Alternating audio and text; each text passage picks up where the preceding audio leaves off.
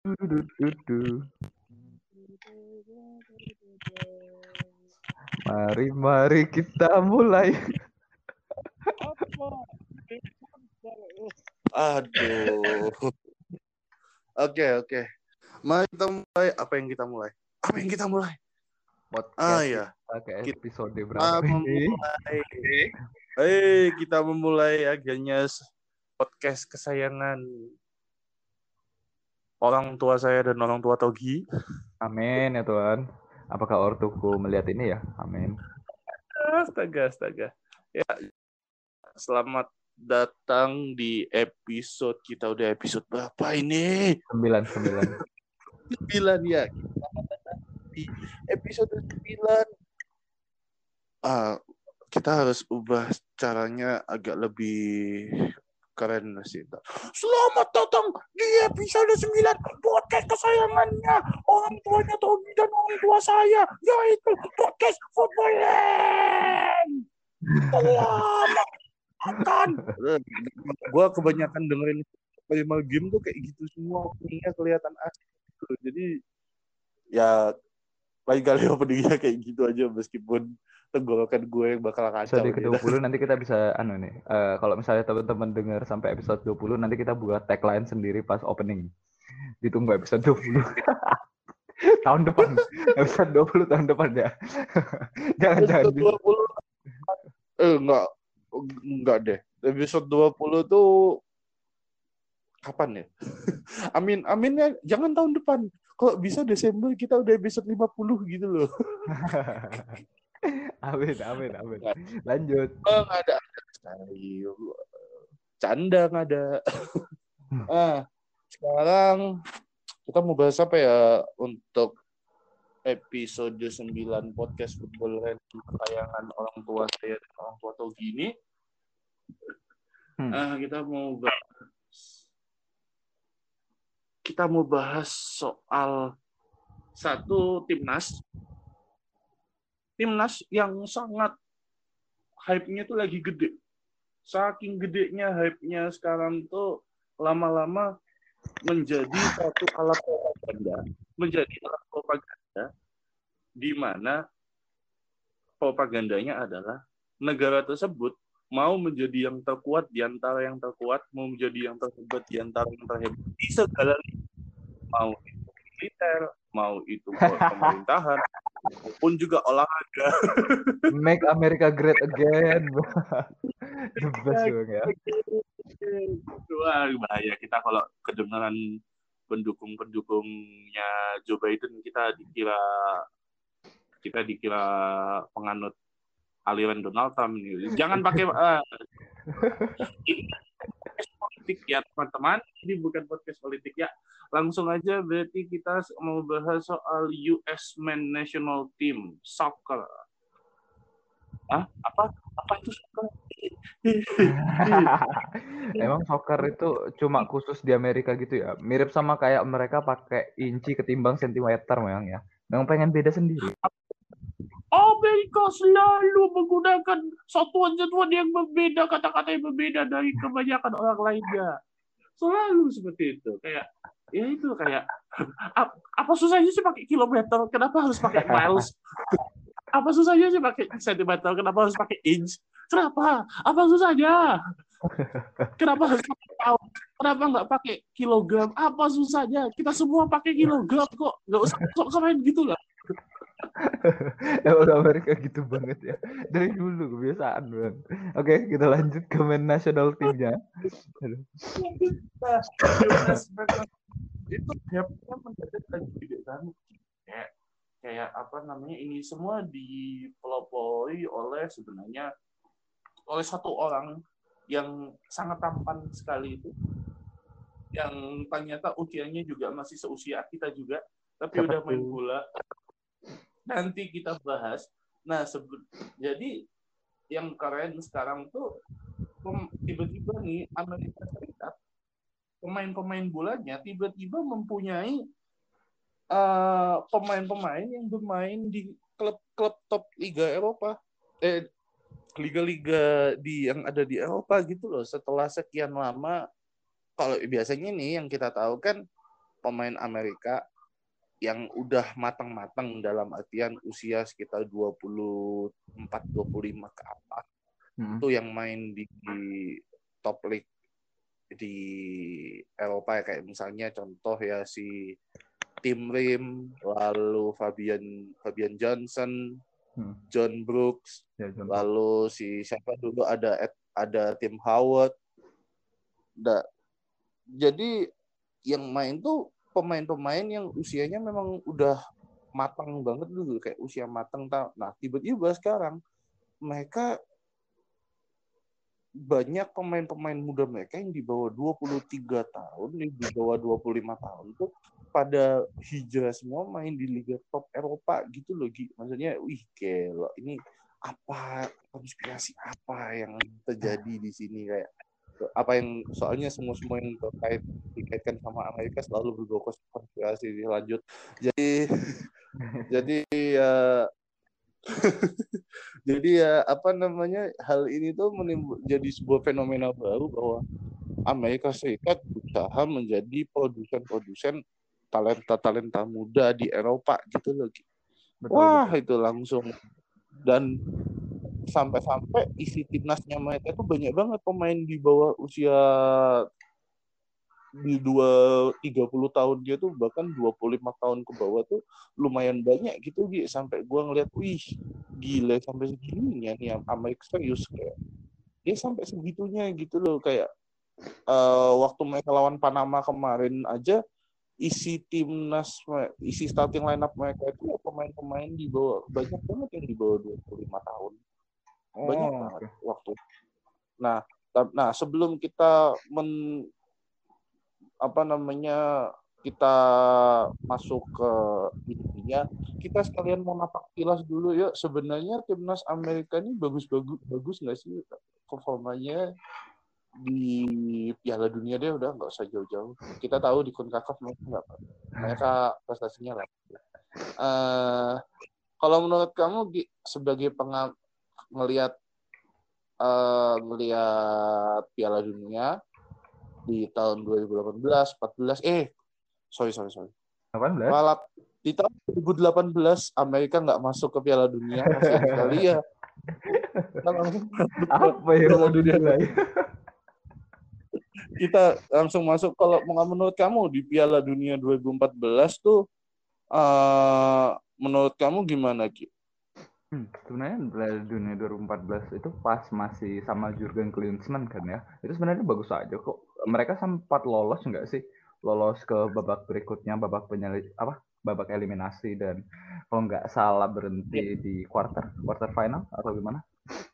Sebenarnya bagus. Eh gimana gimana? eh, kalau nggak itu sih 16 besar ya Oh iya, kayaknya 16 besar ya.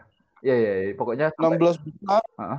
extra time lagi Nah, iya, menurutku bagus aja sih sebenarnya. Eh, kalau misalnya dibilang apa, eh, apa? Kalau misalnya dibilang bagus banget, kayaknya dibanding negara lain mungkin iya. Tapi kalau misalnya dibilang apakah Amerika bisa jadi mungkin nanti salah satu negara yang eh, apa?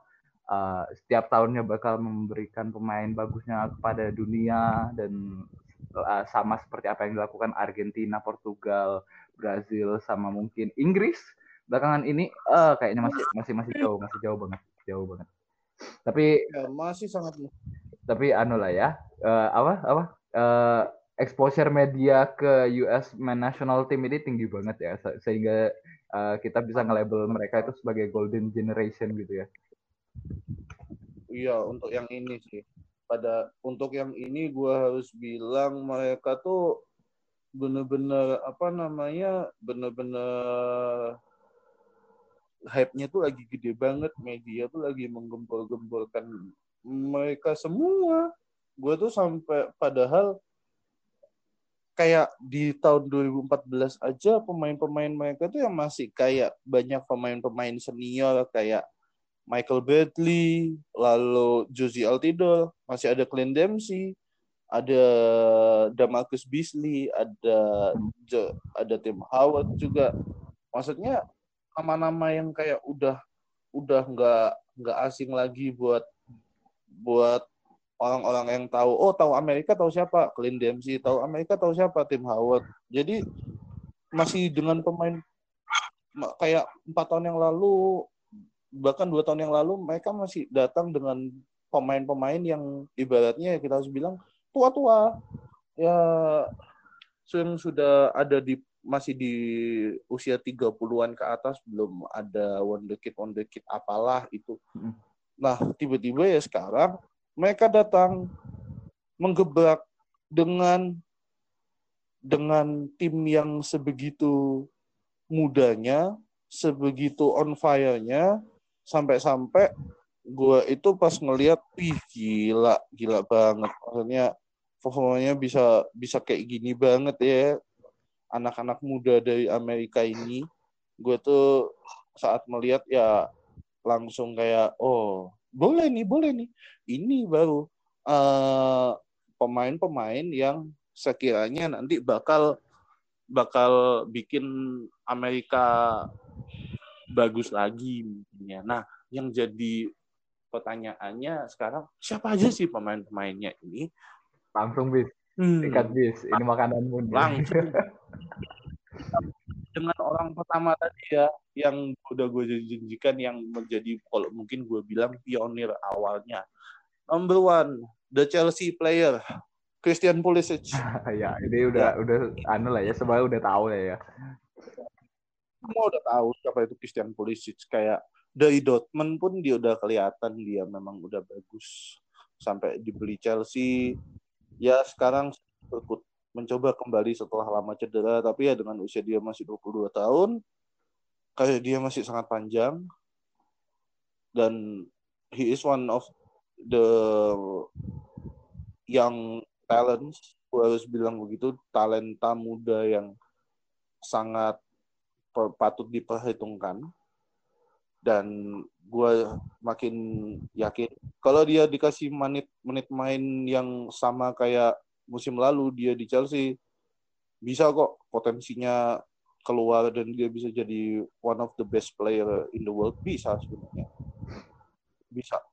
Buat saya itu dan dia dia aja Christian Pulisic ini udah berapa caps ya di di US tuh gue kalau nggak salah dia juga meskipun usianya tuh 22 tahun nih tapi tapi dia itu sudah mencatatkan 34 caps weh. Wah, Jadi wajar, 24 wajar, wajar, wajar. Saya ingatnya nggak ada. Dan- Emang bagus, memang bagus memang. dengan 14 gol. Itu itu kayak udah udah udah bagus banget lah bagi seorang Christian Pulisic yang sekarang bisa jadi tumpuannya tumpuannya negara kita banget ya ya maka dari itu itu satu cukup dah itu Pulisic. Nomor dua nih gue makin gue bingung nih sebenarnya kalau mau dibilang kalau ini sebenarnya bukan peringkat peringkatan ya tapi kayak lebih afdol lagi kalau gue kasih peringkat. Tapi gue harus bilang kalau pemain Amerika yang kontribusinya di timnya di Eropa yang lagi bagus juga Western McKinney. Siapa yang nggak tahu McKinney lama di Schalke tiga tahun dari tahun 2017 sampai tahun 2020 ini lalu 2020 dia resmi pindah ke Juventus. Salah satu pemain yang dipercaya sama Pirlo juga di sana dan Hmm, sempat mencetak gol spektakuler di UCL kemarin pertandingan di UCL kemarin mencetak gol yang bagus juga buat buat Amerika apa namanya buat Juventus. Juga salah satu one of young talents usia dia masih sekitar 23 24 tahun. Yang dan penuh semangat. Dan memang salah satu midfielder yang gua harus bilang ya kalau kembali lagi karena dia masih muda kalau dia diasah terus dikasih menit main dikasih kepercayaan lebih dia bisa mencetak eh, bisa sukses lah di klubnya sekarang. Western McKinney sendiri itu juga sebenarnya juga bukan nama yang baru sih buat timnas US dia juga udah cetak 21 caps di usia dia. Iya, dia masih oh banget. masih, masih 22 tahun, udah 21 caps Iya, juga dia kayak muda, dia muda masih muda. 22 21 caps dengan 6 gol itu udah itu udah cukup bagus kalau menurut gua kayak ya one of the best I, I can ya for player for America untuk sekarang ya one of the best the best players. Lalu di urutan ya selanjutnya kita punya wah gue bingung ini siapa. Kalau ah ya jangan lupakan Serginho Des Serginho Des yang dibeli dari Ajax lalu main untuk Barcelona. Sempat sempat bimbang memilih antara Belanda atau Amerika. Sampai akhirnya ya dia mau main buat Amerika. Luar biasa. ya sudah mencet ya bagus sekali. Karena dia tahu di Belanda dia nggak akan kepake. Eh, lanjut. Dia bagus jadi ya dia he's a good player. Tapi ya kalau menurut gue ya dibandingin sama talenta talenta yang ada di Belanda ya ya nanti kita eh, mungkin dia ada di kelas yang agak jauh sedikit lebih berbeda. Tapi pilihan yang cerdas memilih timnas US masih usia 20 tahun tahun ini 21 eh baru 5 caps buat Amerika main di Barcelona juga lumayan sering dipakai bersama pemain-pemain muda lainnya yang ada di sana seperti Pedri, lalu Frankie De Jong, dan ya beberapa pemain-pemain lain. Sering jadi starting nggak sih si Serginho Dest di di La Liga tuh? Atau kayak kok. kebanyakan sering, penggantian? Oh iya sering. Dah oke. Lalu sekarang Fanboymu mana ini? Kita mana? Saya ke- dari, aku dari tadi ini nunggu kamu nih. Fan fanboy. Fanboy Rina itu mana? Nah, yang menjadi favorit saya selain wajahnya juga tampan, permainannya juga sangat bikin gemeteran karena di usianya yang masih 18 tahun dia bisa punya talent yang sematang itu yaitu one and only Giovanni Reina. Wah, wah, wah. Wah, aku mendengarkan nama aja saja Giovanni Reina itu langsung eh, gue mendadak jadi fan gitu loh kayak melihat bagaimana cara dia main ya dia juga sebagai seorang dia tuh say gue dia tuh ternyata sayap loh astaga Sayap? gue kira Bukan tuh dia ini tuh kayak kayak AMF atau atau LMF LMF ternyata kayak di Amerika sendiri dia dipasang jadi sayap kanan. Dia tuh right winger. Kalau nggak salah tuh ya, kemarin masih usia 18 tahun tapi sering dipakai banget di Dortmund. Ya sering dipakai banget sebagai pemain pengganti kah atau kadang sering starting juga. Meskipun ya Hmm. kita tahu ya kita tahu lah di di Dortmund itu juga banyak banget pemain muda.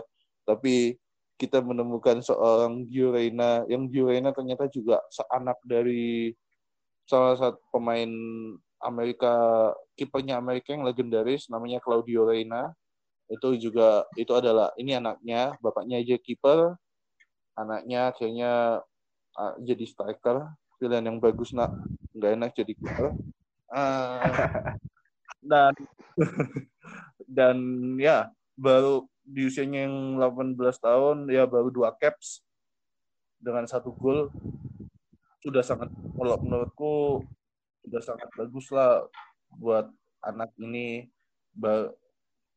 Akhirnya bisa apa namanya membela timnas US Gio Reyna, one of the best talents, masih 18 tahun, saudara-saudara. That's why I'm a big fan. I'm a- saya big fan. Lalu jangan lupakan juga masih di Bundesliga ada Joe Sargent, pemainnya Werder Bremen. Usia masih 20 tahun, di Werder Bremen juga sering main. Dan udah mencetak di usia yang 20 ya, 12 caps dan 5 gol buat Boleh. US Boleh. Men National Team. Boleh banget, boleh banget, Emang bagus boleh banget kalau gue. Kalau Iya, nggak salah, bagus.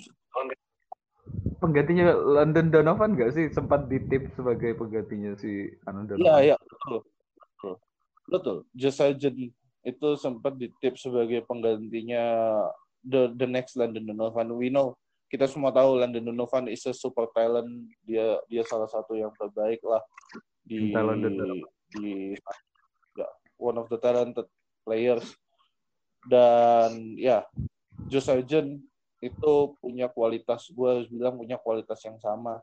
Masih di Bundesliga kita punya Tyler Adams yang membantu yang membantu Leipzig untuk Lanjut.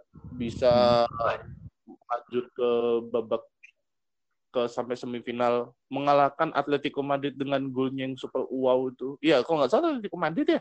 Aduh, gua udah lupa banget. Iya iya Atletico Atletico Madrid yang anu Iya, gol menit mengalahkan terakhir ya. Atletico Madrid dengan dengan golnya yang bisa dibilang spektakuler sebagai seorang super sub. The power of super sub. We got Tyler Adams yang di usianya yang 21 tahun sudah 12 caps dan satu satu gol ini gila maksudnya ini pemain-pemain kayak udah udah mengenyam banyak yang udah di atas 10 caps gitu loh sampai wow wow wow wow kayak ya kayak dikasih kepercayaan banget gitu ya ternyata sama pelatih-pelatih ya. Hmm. Lalu ada di kita lupa bahas di kiper. Kiper ada salah satu ada macam sih ada Zack Stephen justru ada nah ini kipernya ada dua. Ada Ethan Horvath sama Zack Stephen dan semuanya main sama-sama di klub Brugge. Kalau Ethan Horvath tuh main di klub Brugge tapi Zack Stephen main di Manchester City. Sempat jadi starting line up ketika Manchester City melakoni laga di FA Cup kalau nggak salah waktu itu. Gua, Oh, gua sempat melihat juga. Forma dia cukup bagus asalnya dia itu ya dari Manchester dia itu dari New York City FC pindah ke Manchester City ya. Itu ya Ah. parent club ya. Eh, iya Ya. begitu enak itu. Kalau misalnya parent club itu ambil ambil aja ya. enak kali itu udah nah di usia yang ya 25 tahun 19 caps no wonder. Dia juga salah satu pengganti apa namanya gua harus bilang penerusnya tim Howard sama Ferguson bahwa tim Howard sama Ferguson juga udah tua dan kita butuh penerus. Udah dapat dia dua Zack Stephen sama Ethan Horvath. Lalu di, di sebenarnya di di di di, di bagian belakang tuh banyak juga kayak selain Serginho Dest itu ada Chris Richards yang dibuat Bayern Munich Ah, lalu ada Reggie Cannon Reggie Cannon itu main di Boa Vista. Mm, sudah mengenyam 13 caps. John Siapa Brooks yang sama nyangka masih masih pemain- ya. siapa? Gimana gimana? gimana, gimana? Deandre Eiling sama John Brooks masih masuk nggak sih di US Men National Team? Iya, John Brooks John Brooks masih masuk. Sama siapa satunya? Tim Rim. Anu kalau Tim Rim masih masuk Deandre Eiling si back Dia- eh, back kanan dari aduh dari Newcastle yang kencang banget. Iya, di Andre Yedlin ya pasti ya masih masuk, tapi ya apa namanya kalau John Brooks ya kita nggak bisa pungkiri lagi dia lagi di top Ya. top apa kayak ibaratnya usianya itu usia usia emas banget sama kayak di Andre Yedlin juga. Iya. Masih ada di situ dan jangan lupakan Matt Niasga ya Oh iya. yang di- pemain yang dibeli sama Chelsea tapi nasibnya samanya sama kayak Van Ginkel. Circle of Loan, the hell eh, lingkaran setan dia lagi ada di lingkaran setan di mana dia dipinjamkan terus menerus. Sekarang dia lagi main di Anderlecht, di rental. sudah usia dia 4 tahun dengan 20 caps, satu gol. Lalu ada jangan, jangan lupakan juga pemainnya Fulham, Anthony Robinson. Jadi dua pemain Fulham ada di Amerika yaitu Tim Rim sama Anthony Robinson. Jangan lupakan dia juga. Itu lalu ada ada Mark McKenzie yang main di KRC Gang. Banyak juga. Hmm. Da, eh, wah gila kalau disebutin semua kayak kayak ada juga Timothy Weah, Weah yang lagi main di Lille 10 10 penampilan dan satu gol. Ada juga Ulysses Lane, Sebastian Soto. Gila, maksudnya semua di atas usianya itu di bawah 23. Kebanyakan masih di antara 23 sampai 18 tahunan. Ada Yunus Musa kalau lu ingat namanya Musa. Itu. Dan itu masih belum talenta-talenta muda yang sekiranya apa namanya ada di MLS yang ada di MLS ini ini kita ngomong yang di Eropa ya. Sebenarnya kalau mau dilihat ya talenta mereka yang di MLS yang muda-muda juga ada tapi kayak line up mereka lawan Panama kemarin bahkan Nicolas Gia ini ada juga pemainnya SMKN Nicolas Gioacchini dia mencetak, pas lawan Panama kemarin mencetak hat trick makanya mereka bisa sampai menang 6-2 lawan lawan Panama. Nicolas Gioacchini main di Stad Malhabeken. Wah, gila. Ya, dan usianya juga masih sekitar 20 tahunan kayak waduh. Ya gila aja Gi. Maksudnya lu melihat sendiri tadi ya banyak pemain yang udah gue sebutin gue sampai nggak ngeh kayak gila ini pemain-pemain uh, kayak apa namanya masih di usia yang produktif lalu juga masih ada Conor Pente kan. yang main di Barcelona. Pente astaga sayang Pente Pente di Barcelona. Jadi kayak kayak Amerika ini sudah siap untuk menaklukkan dunia dengan anak-anak kecil ini kayak mau memproklamasikan dan media itu kayak memproklama, memproklamirkan menggembar-gembarkan kayak di Piala Dunia 2022 dunia harus siap-siap dengan timnas timnas dunia harus siap dengan kehad dengan golden generation of US players ini kayak kayak generasi emas inilah yang akan menghadirkan kejutan yang akan menggoncangkan dunia kayak wah kayak kayak aneh ya kayak Belgia. Kemarin tuh Belgia kayak gitu juga nggak sih? Piala yeah. Dunia kemarin wah gila. Golden generation. Ya benar benar benar. Ya jatuhnya kita mungkin bisa ngelihat ya ini kayak iya kayak kayak melihat Belgia golden generation gitu. Ya aku percaya sih setiap negara itu di dunia olahraganya selalu punya golden generation lah. Uh, dan mungkin ini adalah bisa jadi waktunya Amerika habis ini. Kayak selama ini apa prestasi mereka ya paling banter masuk jadi runner up itu pun di tahun 1930 berapa ya itu Piala Dunia ya. Maksudnya mereka mereka itu paling banter ya quarter final nggak, lupa aku pernah menjadi semifinalis atau enggak tapi kebanyakan menghuni cuma jadi penghib, tim penghibur aja di fase grup. Ah, kebanyakan ya. begitu banyak Iya dan dengan golden generation mereka ini kayak berusaha ngomong lihat nih ini ini anak-anak ini nanti akan menunjukkan kalian semua kayak kayak kita uh, kemunculan generasi baru yang akan menggempakan dunia gitu. Kayak jatuhnya kayak Clementon Pulau Pulau Penuh Basket jatuhnya kayak kita Kino Sebai gitu. Sih kayak Miracle Generation.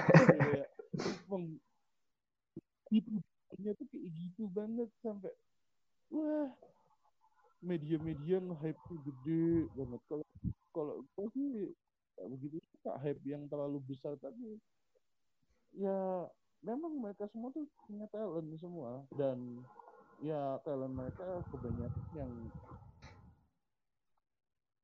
dan ya makanya sih kalau menurut gua kalau mungkin menggemparkan dunia mungkin enggak. Jauh jauh banget lah ya. Uh, ada Argentina masih ada Inggris masih ada tim-tim yang lain. Tapi kalau menghadirkan kejutan itu mungkin gue percaya ya dengan yang dan juga lagi apa kalau tim ini bisa menghadirkan kejutan atau mendobrak pintu yang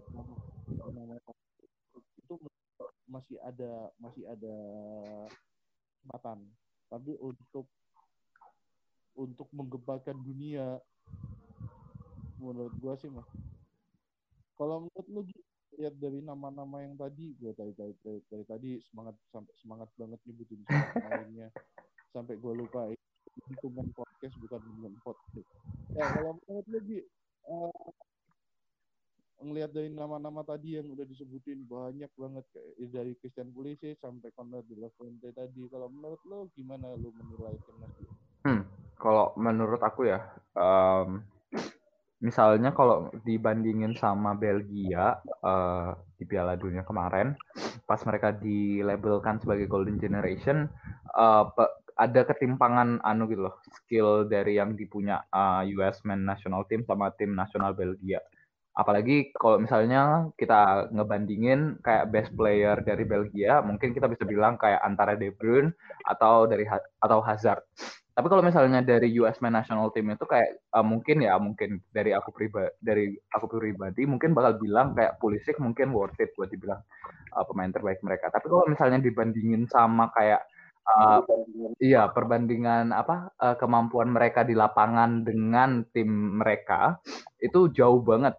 Dari klub aja kayak uh, output yang diberikan Hazard ke Chelsea itu monumental banget sampai ngebuat Chelsea itu sebagai tim raksasa gitu loh. Yeah. Dan uh, De Bruyne untuk Manchester City uh, sudah seperti kayak nyawa mereka aja dan menurutku untuk uh, berkata bahwa Pulisic adalah nyawa Chelsea itu masih jauh banget menimbang bahwa Chelsea sekarang lagi proses pembangunan kembali karena Lampard sudah tiada. Ingat uh, episode yang kemarin yeah. kita bilang bahwa Lampard mungkin ada kesempatan Abrahimovic memang tidak peduli. Tapi ya gitulah. Semoga harapannya polisi dapat uh, kesempatan sama Tuchel. Uh, ya, tapi kalau misalnya dibilang nyawa masih jauh, masih jauh. Uh, bahkan itu baru dari best player mereka ya. Ini belum ngebahas kayak cadangan mereka karena menurut uh, menurut aku pribadi uh, yang ngebuat tim itu jadi golden generation adalah uh, starting elevennya tuh udah bagus. Mungkin kebanyakan main di tim Eropa. Tapi kalaupun enggak, yang penting skill mereka bisa nge-showcase bahwa mereka itu worth it buat main di apa panggung utama misalnya Piala Dunia. Tapi yang ngebuat itu beda sama tim lainnya adalah uh, kedalaman apa cadangan mereka. Kalau waktu itu kan kemarin untuk timnas Belgia mereka masih bisa punya banyak cadangan misalnya kalau untuk striker kalau misalnya nggak bisa pakai Lukaku you still got like uh, apa Origi or maybe if you want someone who is faster at dribbling the ball you have Baswai for example dan itu nggak ada di Amer tim Amerika Serikat dan dan menurutku itu udah ngegambarin banget bahwa at the very least ini mungkin bisa jadi apa apa uh, blow up media yang mungkin will result into nothing. Tapi bisa jadi juga mungkin aja kita bisa ngelihat kasus apa kasus uh, Belgia Golden Generation tapi dalam uh, extent yang berbeda mungkin ya. Kalau misalnya dibilang kayak masuk semifinal, sebenarnya semua tim punya kesempatan buat ngelakuin itu sih. Sebenarnya kalau untuk Piala Dunia ini kan lebih susah ya. Kayak dibilang kayak oh ini timnya bisa nih masuk ke semifinal soalnya kualitas pemainnya bagus-bagus. But then again kayak kita bisa ngelihat kasus kayak Inggris, uh, kasus kayak Prancis di Piala Dunia 2010 iya. yang anu gagal dan juga Jerman ah, Piala Dunia 2018 Jerman. Jadi nggak pernah ada apa ya uh, kita nggak bisa melihat bahwa memang tim-tim ini bisa sampai ke semifinal dan segala macamnya. Cuma kayak kalau dikomparasi mungkin oke okay, bisa aja mungkin mereka menang. Tapi ya kayak gitu sih. Kalau untuk memberikan dunia masih jauh, masih jauh banget. Setuju sama Wisma. Uh, ya apa benar benar juga sih apa yang dikatain sama Togi ya itu kayak apa namanya yang jelas banget lah kan juga apa namanya nggak bisa bandingin ya bahwa generasi muda mereka itu bakal menggebrak langsung ke Belgia gitu ya, kayak kayak itu kayak kalau ada yang bilang kayak gitu itu rasanya kayak orang-orang yang mimpi di siang bolong gitu kayak nggak tahu otaknya kejedot apaan dengan lagi lagi kemakan anu ya propaganda media ini ya, supaya anu uh, berpikir bahwa US men national team is legit. Oh, gitu, itu sudah menemukan juga fakta-fakta menarik soal US men national team ini ya. Hmm? Kenapa kenapa? Jadi kalau tidak salah nih, kamu kan udah menyiapkan fakta-fakta dan hal-hal menarik seputar US Men Soccer National National Team ini ya. USMNT ini kamu katanya sudah menyiapkan beberapa fakta-fakta menarik di dalamnya. Monggo langsung ya. bahkan yes. Iya. Oke. Oke, uh, jadi uh, sebenarnya ya kalau misalnya dibilang kenapa sih alasan uh, US Men National Team dapat label Golden Generation, tapi untuk tim-tim lain itu nggak ada, eh, untuk uh, tim-tim nasional lainnya itu nggak dapat. Misalnya kita bisa ngelihat kayak mungkin, hmm, sebenarnya kalau Inggris sebenarnya udah tiap tahun kayaknya ya, uh, kalau misalnya ada pemain muda bagus, wah ini anu Golden Generation, ah padahal biasa-biasa aja. Oke, okay. uh, alasannya mungkin simpel aja ya uh, alasan kenapa US Men National Team ini dapat Golden Generation sebenarnya uh, lebih kepada pemain muda mereka dapat kesempatan yang jauh lebih bagus ketimbang uh, pendahulu mereka. Misalnya kalau dibandingin sama zamannya London Donovan sama Clint Dempsey, sebenarnya sekarang mereka bisa lebih enak banget untuk masuk ke Eropa misalnya untuk uh, contohnya. Kayak misalnya kayak gini, uh, untuk tim nasional US uh, sebenarnya ini kebijakan di tahun 2015 tapi berhenti di tahun 2019 US Men National Team itu kerjasama sama Federasi Sepak Bola Amerika. Itu ngebuat aturan bahwa pemain muda mereka yang di bawah 18 tahun uh, itu nggak bisa uh, belum bisa dikontrak secara profesional. Sehingga mereka nggak bisa ke, kena uh, misalnya nih tim luar kayak misalnya Juventus Man United, Manchester City atau klub-klub besar lainnya untuk mendapatkan pemain muda di Amerika itu enak banget karena mereka nggak harus ngebayar kayak misalnya solidarity payment. Solidarity payment tuh maksudnya kayak setidaknya kalian kasih kita kompensasi lah. Soalnya kita udah bayar misalnya perkembangan mereka, nutrisi mereka dan juga mungkin edukasi mereka selama mereka ada di oh. akademi kita. Nah, itu nggak ada sama sekali di US. Padahal kalau dibandingin sama Meksiko, Iya, padahal kalau dibandingkan sama Meksiko, uh, di Liga MX itu uh, pemain muda mereka itu keseringannya di overvalued gitu loh.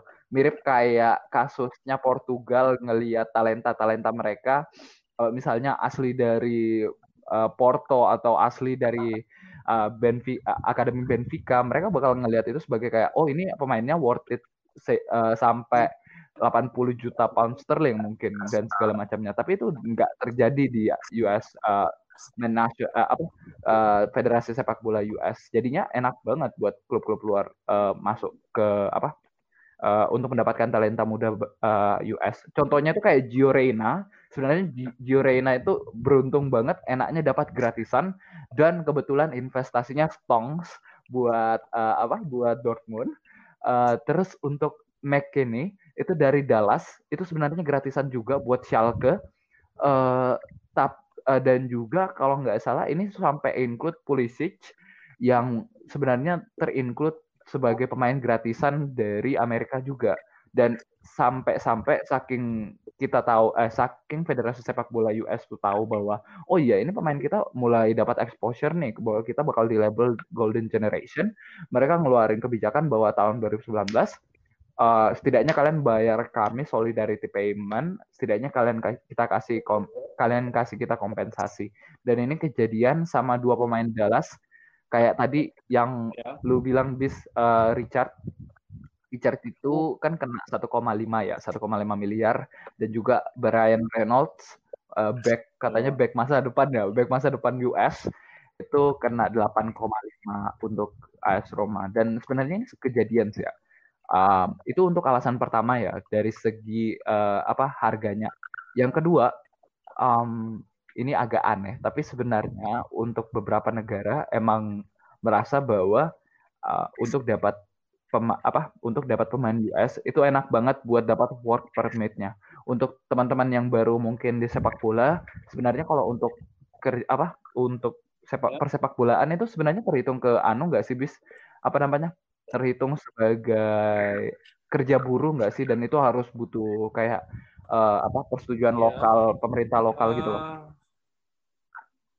Hmm, gimana ya kalau mau dibilang kayak buruh ya nggak nggak kayak buruh banget gitu sih Gi. Iya iya iya, nggak bisa dibilang buruh tapi dalam definisinya masuk ke dalam pekerjaan anu nggak sih? Mungkin Oh atau mungkin nggak bisa ya. bilang buruh kali ya, lebih kepada tenaga kerja kali ya. nah ya, oke. Okay. sorry sorry sorry, I didn't mean to be offensive to anybody here. Uh, tapi mungkin masuk ke dalam tenaga kerja. Nah ini susahnya uh, ini sebenarnya baru kejadian ke apa Inggris yeah. ya enggak sih ya yang baru keluar dari EU yang di mana mereka jadinya kalau mau masuk ke dalam Inggris harus benar-benar kayak main buat tim nasional berapa persen uh, terus juga mungkin uh, bisa divalidasi uh, apakah dia pemain yang benar-benar legit atau emang kayak ya ini cuma pemain Sunday morning doang nih kayaknya nggak worth it deh buat dikasih work permit nah dan itu sebenarnya lebih enak ke tim eh ke daerah seperti misalnya Belgia ataupun khususnya kayak Jerman. Karena Jerman ini kalau misalnya pemain luar kayak misalnya contohnya dari Amerika, most of the players that you mention, yeah. bis itu kan kebanyakan mainnya di Jerman dulu kan ya. Karena ada tiga ada tiga alasan sih sebenarnya. Satu, kalau untuk masuk ke Jerman, tim uh, misalnya pemain dari Amerika itu cuma perlu di kayak uh, dia punya gaji dua dia diakui sama Federasi Sepak iya. Bola yeah. Jerman bahwa dia pemain yang legit dan yang ketiga itu validasi tentang tempat tinggal kalau nggak salah. Dan kalau misalnya udah dapat tiga itu kan sebenarnya sudah boleh main di Jerman itu sendiri dan itu yang ngebuatnya ngebuat apa pemain-pemain Amerika itu lebih sen, lebih gampang buat masuk ke sepak bola Eropa. Karena pada dasarnya emang pra, uh, apa peraturannya mudah uh, untuk uh, apa transfer pemain juga cukup murah karena mereka nggak over uh, tim-tim MLS nggak over value, value apa their player dan juga dan dibantu lagi sih sama anu we we cannot deny that media media help US men national team indirectly ya. Karena misalnya BR Football atau Fox Soccer uh, media-media terkenal dari Amerika ngegambar pemain mereka sebagai pemain yang bagus banget itu kan kejadian guys di anu di Inggris? ya, betul. yang Inggris The Sun atau mungkin uh, apa banyak banget media ya, mereka betul, menganggap betul, betul. Inggris is national team gitu. Kayak, makanya di sini tuh gue juga setuju banget di satu sisi pelan media ini loh yang membuat mereka hype-nya tuh sampai segini tuh gara-gara berterima kasih lah satu ya sama media tapi kalau misalnya nih amit-amit salah satu dari pemain-pemain yang gue sebutin tadi ngeflop ya terima kasih lagi sama media yang sudah menggembur-gemburkan anak ini yang kita juga beberapa Betul. ada yang ya seperti yang lu bilang ada yang legitan tapi juga ada yang itu ada yang ada yang mungkin kayak setengah matang dan semacamnya yang masih perlu proses lagi ada semacamnya ya. Maka dari itu sih. Kembali lagi itu peran media lagi. Oke lanjut gue hmm. Oh ya terakhir ya ini sebenarnya enak banget sih ya. Uh, aturan buat pemain luar uh, untuk di apa dilabelkan sebagai pemain Amerika itu sebenarnya lebih kepada uh, untuk dapat keluarga negaraan itu sebenarnya kalau misalnya lu lahir di Amerika itu udah cukup buat ngejustify bahwa kamu adalah orang Amerika. Itu kayak you solely. Sebenarnya ini ngebantu banget soalnya kayak pemain misalnya dari Meksiko terus uh, apa tinggal di Amerika dia bakal terhitung sebagai warga negara Amerika dan dan itu enak banget buat uh, apa tim US uh, USMNT itu untuk ngebawa pemain-pemain mereka lebih kaya lagi. Kayak misalnya siapa ya? Kayak Prancis deng.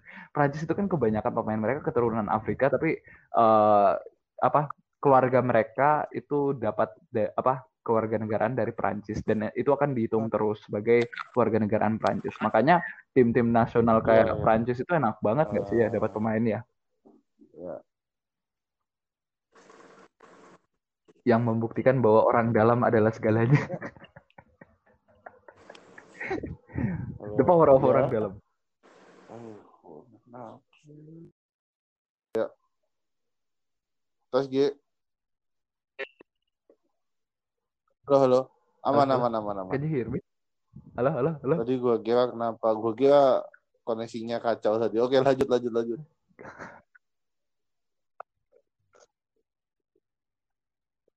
Oh ya, eh, sebenarnya sih udah sih itu aja. Eh, mungkin Iya. em, lebih kepada alasan teknikal sih. Mungkin ini alasan kenapa kita berdua kayak mendukung banget Bagus Kahvi ke Utrecht karena emang this is Iya, the only betul, way for our national team to grow gitu loh as a Dan French akhirnya apa kan as a ke as a nation lagi gitu. nih Asnawi Asnawi itu main di Korea dan semacamnya ya. Kita juga harusnya sih kalau lihat nggak PSS itu juga berkaca tuh lihat sama kayak kayak klub-klub di luar lihat kayak apa yang terjadi sama pemain-pemain US ini.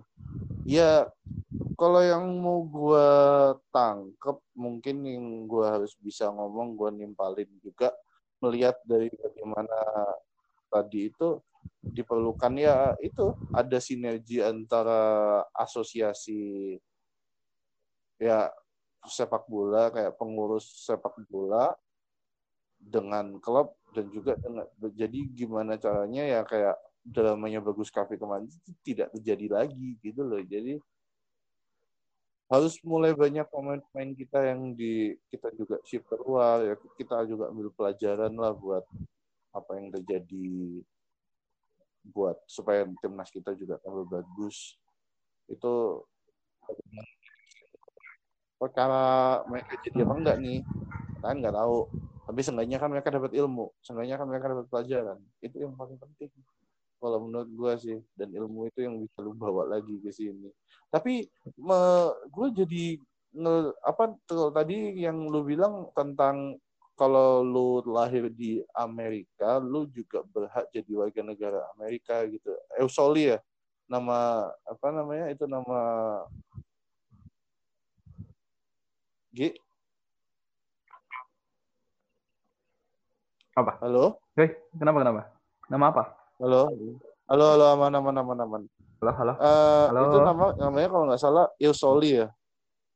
Kamu lahir di ah ya Eusoli. Ya, Jadi enak Eusoli, banget Eusoli. ya, Betul, betul. pantesan. Apa namanya?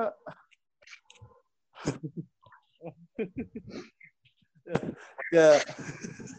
Jadi enak banget ya itu pemain-pemainnya sampai sampai apa namanya?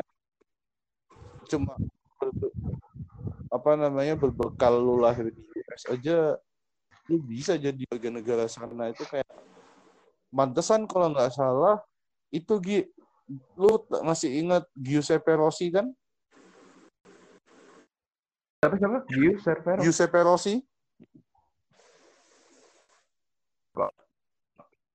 Giuseppe Rossi pemainnya Villarreal dulu. Dulu dia pemainnya Villarreal yang dari dari Itali Iya, iya, iya, iya. Giuseppe Rossi itu pernah Ah, ditawari. ditawari menjadi untuk main di timnas US karena faktor Eusoli tadi karena dia dilahirkan di Amerika pada dengan orang tua yang asli Italia semua. Dia tempat ditawari. Ditawarin dong kayak wih gila enak banget. Kayak ya ya enak banget jadinya kayak dengan lu bermodalkan lahir di tempat tersebut lu ditawarin jadi warga keluarga negaraan sana. Dan itu jadi yang oh itu yang membuat itu juga ini agak off topic tapi alasan kenapa Thailand kepengen naturalisasi Alkan Dagut karena menurut mereka secara Eusoli dia lahir di Thailand. Meskipun meskipun dia orang tuanya orang Inggris dan Indonesia gitu ya tapi karena dia lahir di Thailand mereka coba pakai Eusoli itu mungkin ya oh iya iya.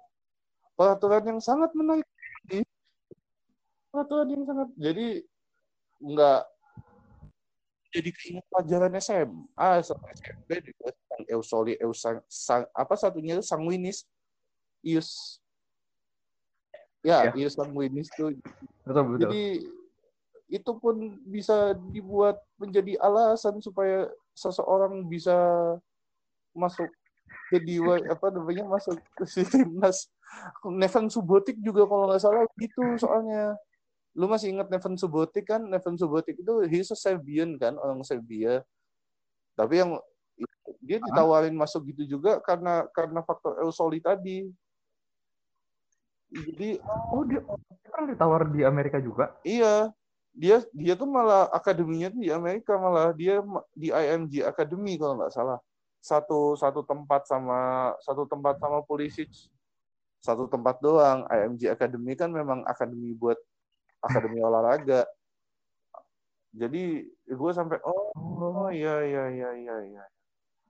Jadi gue sampai oh gue langsung mengawang-awang tadi berpikir, oh jadi hanya dengan faktor Eusoli lu, meskipun orang tua lu nggak ada darah Amerikanya sama sekali, baru menginjakkan kaki di Amerika, bisa jadi warga negara. Boleh tuh Gi, boleh Gi. Jadi jadi nanti kita, ki- nanti kalau lu udah merit, karena kalau terus lu bulan madunya tunda lu itu dulu bekerja terus nanti kalau udah bulan terakhir masa-masa istri lu mau lahiran lu bawa aja ke sana anak lu bisa jadi dengan gampangnya gitu loh kayak anjir gak kepikiran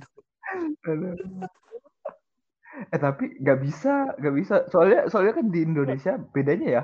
Sebenarnya aku kepikiran juga ya bahwa kenapa sih kalau kayak ginian nggak bisa diterapin di Indonesia juga kan banyak nih anu talenta apa keturunan Belanda orang Indonesia juga yang bagus gitu loh. Ternyata kan kalau dari Indonesia tuh nggak terima anu ya uh, double kewarganegaraan. It's either Indonesia or nothing. So yeah, we, I cannot do that. iya. Iya sih bener. Kayak apa namanya sayang mbak itu adalah salah satu kebijakan yang gua pertanyakan dari Indonesia. Kayak gua agak kasihan sama orang-orang yang memiliki darah keturunan nggak bisa double paspor. Ya memang mungkin itu adalah salah satu bentuk nasionalisme tapi buat kalian mereka itu jelek. Kayak gini eh, Hmm, hmm. pernah ngomong ini nggak ya? Gue kalau misalnya belum pernah nanti gua, ini gue coba omongin tapi kalau misalnya sudah pernah ya gue tekankan lebih lagi. Kalau misalnya pemain-pemain Indonesia keturunan Belanda ini memegang paspor Indonesia paspor Belandanya dibuang hangus. Mereka main ke klub Hmm. Belanda atau klub mana yang di mana juga ada kuota European ya kan? Ada kuota pemain non Eropa pemain yang sebelumnya masuk ke kuota pemain Eropa ini tiba-tiba akhirnya apa boleh buat dong? Harus kuota non Eropa hanya karena mereka membuang paspor Belanda mereka jadi paspor Indonesia. Yang membuat klub-klub itu pasti bakal berpikir kan waduh misalnya anggap aja ini pemain jatuhnya pemain Eropa lagi tapi udah pemain non Eropa kalau buat pemain non Eropa gue kan cari yang lebih bagus ada Brazil ada ada Argentina dan yang lain-lain dan bisa-bisa pemain-pemain eh, Indonesia ini kebuang dari tim mereka cuma karena status non non European ada slot kuota buat non European player tadi paham nggak paham nggak Gi? Paham, paham, paham. Karena ada kuotanya masih kosong kan ya. Iya, jadi meskipun nih, meskipun nih kuotanya udah full, tapi kan mereka pasti mikir-mikir lagi kayak, waduh, dia kan dulu pemain Eropa tapi masuk apa namanya sekarang dia jadi non Eropa. Kenapa gua buang-buang duit buat pemain non Eropa kayak gini, di mana kalau gue bisa cari pemain non European yang skillnya lebih gila daripada dia daripada dia? Contoh aja misalnya begitu. Jadi kan ya kayak ya ya itulah makanya gue sebenarnya mendorong kayak ya harusnya ya pemerintah Indonesia ngebolehin double pasport buat atlet-atlet ini sih. Kayak ya tapi ya udahlah. Kan enak Amerika itu kan kalau nggak salah juga boleh double pasport gak sih? Oh boleh sangat boleh sekali silakan. Boleh, boleh, boleh. Sangat boleh sekali. sangat boleh sekali itu makanya apa namanya kalau lo ini kita kalau ke- kebanyakan ngomongin Amerika sampai jadi off topic ya. Eh, kalau lo di basket tuh banyak banget pemain-pemain keturunan Amerika yang ternyata juga punya paspor lain kayak Amerika Thailand, Amerika Turki, Amerika Yunani, Amerika Qatar. Ya dan pihak Amerikanya memperbolehkan, pihak katanya juga ya pihak negara lain ya juga ya boleh-boleh amat. Jadi sampai kayak gitu loh. Betul. Kalau di basket ya contohnya kayak film Filipino American, wah itu gila sekali kalau anda lihat liga basket Filipina, wah itu Ya, itu ya. isinya Filipino. American, itu isinya isinya orang-orang Filipino American, jadinya ya seperti itu. Kayak itu kalau dibolehin Oh, mungkin itu alasan anu juga ya. Alasan kenapa US basketball team itu bagus banget karena kalau misalnya ada pemain bagus di apa NBA ya tinggal comot aja. Soalnya kan udah pasti anu enak banget tuh buat dapat warga negaraan anu. Iya juga sih, tapi Enak ya? tapi kalau Jadi kan. boleh, boleh juga boleh boleh boleh boleh boleh boleh juga nah kita jadi ngomongin basket ya mungkin kata gue tuh baru tahu ya teman-teman kalau kalau tau gitu juga basketball entusias sama kayak gue Eh, mungkin untuk edisi selanjutnya kita bakal edisi bikin edisi offside atau kayak kayak edisi yang agak melenceng dari sepak bola. Kita kita bakal ngomongin basket kita bakal ngomongin basket berdua sama Togi gitu mungkin ya. Tapi nggak tahu kapan lah. Nanti nanti apa namanya dipikir-pikir lagi. Kalau nanti ya soalnya gue juga menantikan gitu hal hal di mana gue sama Togi juga bisa ngomongin hal yang lain selain juga foot sepak bola gitu kayak football kan tetap Betul. apa namanya ya tetap kita ngomongin sepak bola tapi nanti kita bikinin set kayak lebih khusus nanti di mana kita ngomongin banyak hal yang lain selain sepak bola. Wah, gila. Kok melenceng jauh, melenceng jauh dari apa yang sudah kita lakukan selama ini.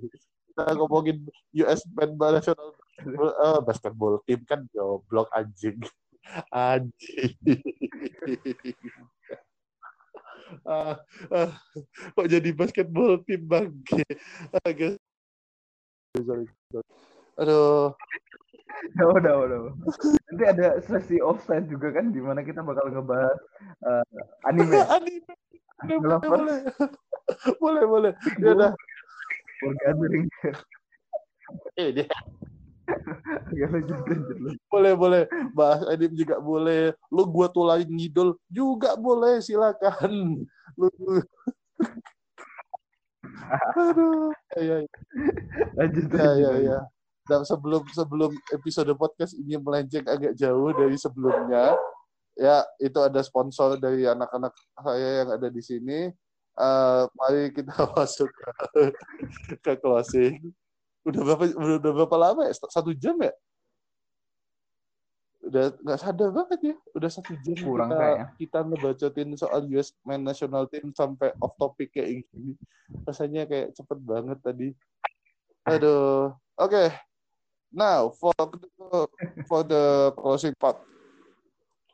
Prediksi lo buat US Men National Team di Piala Dunia mendatang tahun depan. Kalau jadi ya. Kalau jadi Aduh. kira-kira apa yang Prediksi prediksi. Oke oke dari oke. mereka? Kira-kira sampai mana deh? Gitu aja. Jika mereka datang dengan pemain-pemain yang ibaratnya yang isinya main-main di Eropa semua gitu tadi. Oke. eh, buat aku eh, ini anu nggak sih sudah sudah mulai diterapin nggak sih anu eh, format Piala Dunia terbaru itu?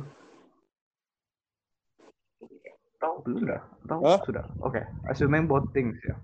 Eh, yang anu yang format Piala Dunia terbaru itu kan bakal diubah Oh, iya. sih ya? Bakal lebih banyak lagi Lebih banyak lagi terus kalau nggak salah. anu Iya iya iya betul bakal lebih banyak lagi. Hmm mu- mungkin ya mungkin ya kalau dari aku ya.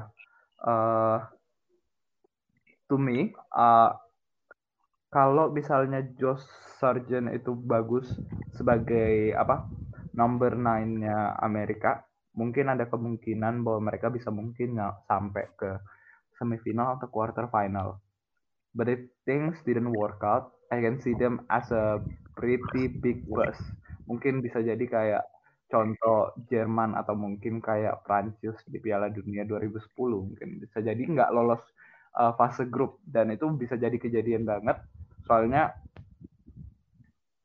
tergantung lebih kepada adu sih lebih kepada apakah pemainnya pada cederaan sebelum uh, perhelatan Piala Dunia sih at the very least kayak setidaknya Gio Reyna, Pulisic atau enggak Conrad de la Fuente atau uh, dan juga pemain lainnya kayak Zach Steven, John Brook sama Matt Miasga itu ada see them kayak keluar dari anu fase grup lah.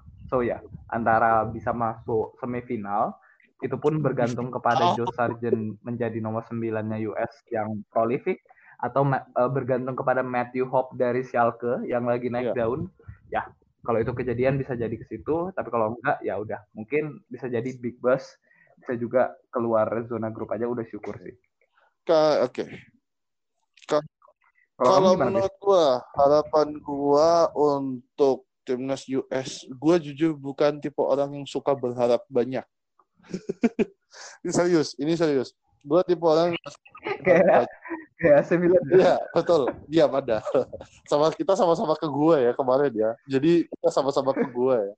Jadi jadi apa namanya lanjut kalau gue tipe orang yang nggak berharap banyak ini bener gue nggak mau berharap banyak karena apa gue nggak mau ketika orang-orang menaruh harapan yang terlalu besar ke mereka dan tiba-tiba mereka ngeflop banget itu itu wih gila gue nggak bisa gue bisa memprediksi mereka pasti bakal jadi bahan cemoohan kayak golden generation ES atau atau golden generation fucking shit gitu kan kayak hal-hal kayak gitu bakal bakal hmm. terjadi gitu kalau mereka beneran ngeflop. Jadi menurut kalau gua pasang ekspektasi ke mereka aja sampai 16 besar dengan tim kayak gitu aja udah cukup. Bakal jadi surplus poin kalau mereka sampai quarter final.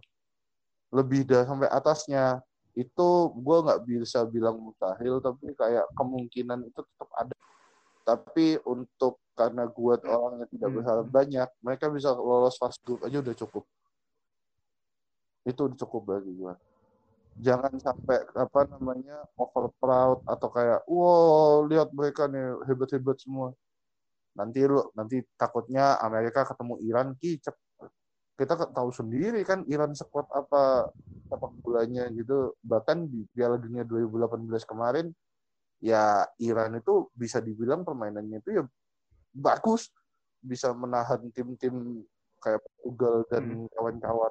Spanyol itu, itu udah bagus banget kayak gitu contohnya kayak jadi jangan pasang hype yang buat berlebihan buat anak-anak. Itu mentalnya juga bebannya tuh keras banget buat mereka jadi makanya lolos dari grup aja udah bagus. Kalaupun misalnya mereka nggak lolos gue pun biasa aja. Kayak ya udah wajar masih ada empat tahun lagi. Anak-anak ini juga masih udah banget kok nggak ada yang tua-tua banget nggak ada nggak ada yang udah kayak tua-tua banget kayak besok jam pensiun nggak ada anak-anak ini masih usia 18 sampai 22 tahun dan masih ada sekitar 5 atau 6 atau 7 atau 8 tahun lagi buat mereka supaya bisa jadi matang. Masih panjang kok waktunya. Tenang aja. Betul, lebih kepada masih panjang kok. Setidaknya konkakaf atau enggak golden nah, ya? Iya. Piala golden Belum bisa. Anda masuk ke Piala Dunia itu tolong kakafnya itu menangin dulu. kakafnya oh mulu. Mau nggak nanti disalip sama Kanada kalau misalnya ini Kanada bagus mainnya? Ya kan nggak mungkin, nggak mungkin mau. Padahal di konkakaf masuk berat Amerika, nggak cuma Meksiko ada Panama, ada Costa, ada Costa Rica, ada Dominika, ya Costa Rica juga bisa dibilang ya bagus. Ada Jamaika juga. Eh, gue nggak tahu Jamaika itu ikut ikut ikut tengah atau ikut ikut konkakaf ya. Eh, gue juga nggak tahu apa juga. Tapi yang pasti ya mm-hmm. itu apa namanya kalau menurut gue target yang paling realistis adalah sekarang coba juga konkakaf dengan pemain-pemain yang seperti itu tadi. Soalnya Gi, mereka kalau konkakaf nggak pernah panggil yang dari di di Eropa Eropa itu pakainya talent MLS semua. Bahkan Josie Altidore aja bisa masuk. Hmm. Gitu masalahnya. Oh, ya? Aja. Altidor anu Felt Wonderkid ya. Kalau buat kakak Michael Badley turun gunung lagi. Eh Freddy Adu sempat dipanggil juga nggak? Siapa? Sama Siapa Adu itu Freddy Adu? Gila kalau panggil. Siapa itu? itu urban ur- urban legend banget ya, street Wonderkid, player banget gitu. Tan kayak gitu. Nggak mungkin. Gue mendengar nama Freddy Adu cukup kecewa. Bayangin ya dia di FIFA itu itu punya jurus sendiri loh. Seorang Freddy Adu. Ternyata performanya Oh, iya? bosok, sebosok-bosoknya. Waduh. Asik. Ya, Iya pokoknya. Jadi, kalau menurut gua Piala Dunia lolos fase grup dengan anak-anak muda itu udah bagus. Tapi kalau bagi gua sekarang untuk CONCACAF tolong beberapa dari mereka panggil, setengah dari mereka panggil, setengahnya lagi MLS nggak apa-apa. Karena ikan lu tuh bagus, lu tuh harus juara CONCACAF dulu. Kalahin Meksiko, kalahin Costa Rica. Baru lu bisa. Lu aja Amerika aja kemarin kalah sama Trinidad and Tobago. The fuck man? gitu. What Semenjak ya, ya, semenjak gini loh masalahnya Gi. Trinidad dan Tobago itu tidak bagus, sudah tidak bagus lagi semenjak Dwight York pensiun. Saat masih ada Dwight York, saat masih ada Dwight Hmm. York, Trinidad and Tobago itu bagus. Karena cuma itu yang mereka punya, cuma cuma York yang mereka punya.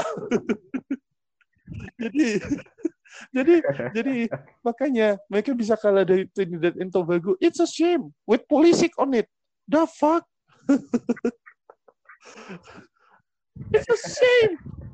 Lose to to Exactly. to a country with di mana jumlah penduduknya itu bisa jadi sepersepuluh atau seperseratus dari dari jumlah penduduk Amerika. Jadi jangan sampai kejadian kayak gitu keulang lagi.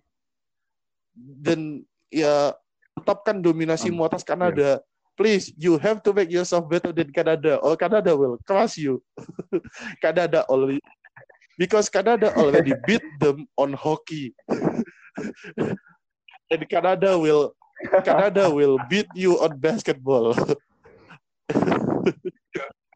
Iya, eh tapi Raptor Raptor Yes. sudah Yeah. anu nih, sudah Ya, hilang ya, nih. betul, Soalnya nggak ada lagi sudah Betul, ini. betul, But ya, that is another Betul, topic betul. for another Makanya. meeting lah ya.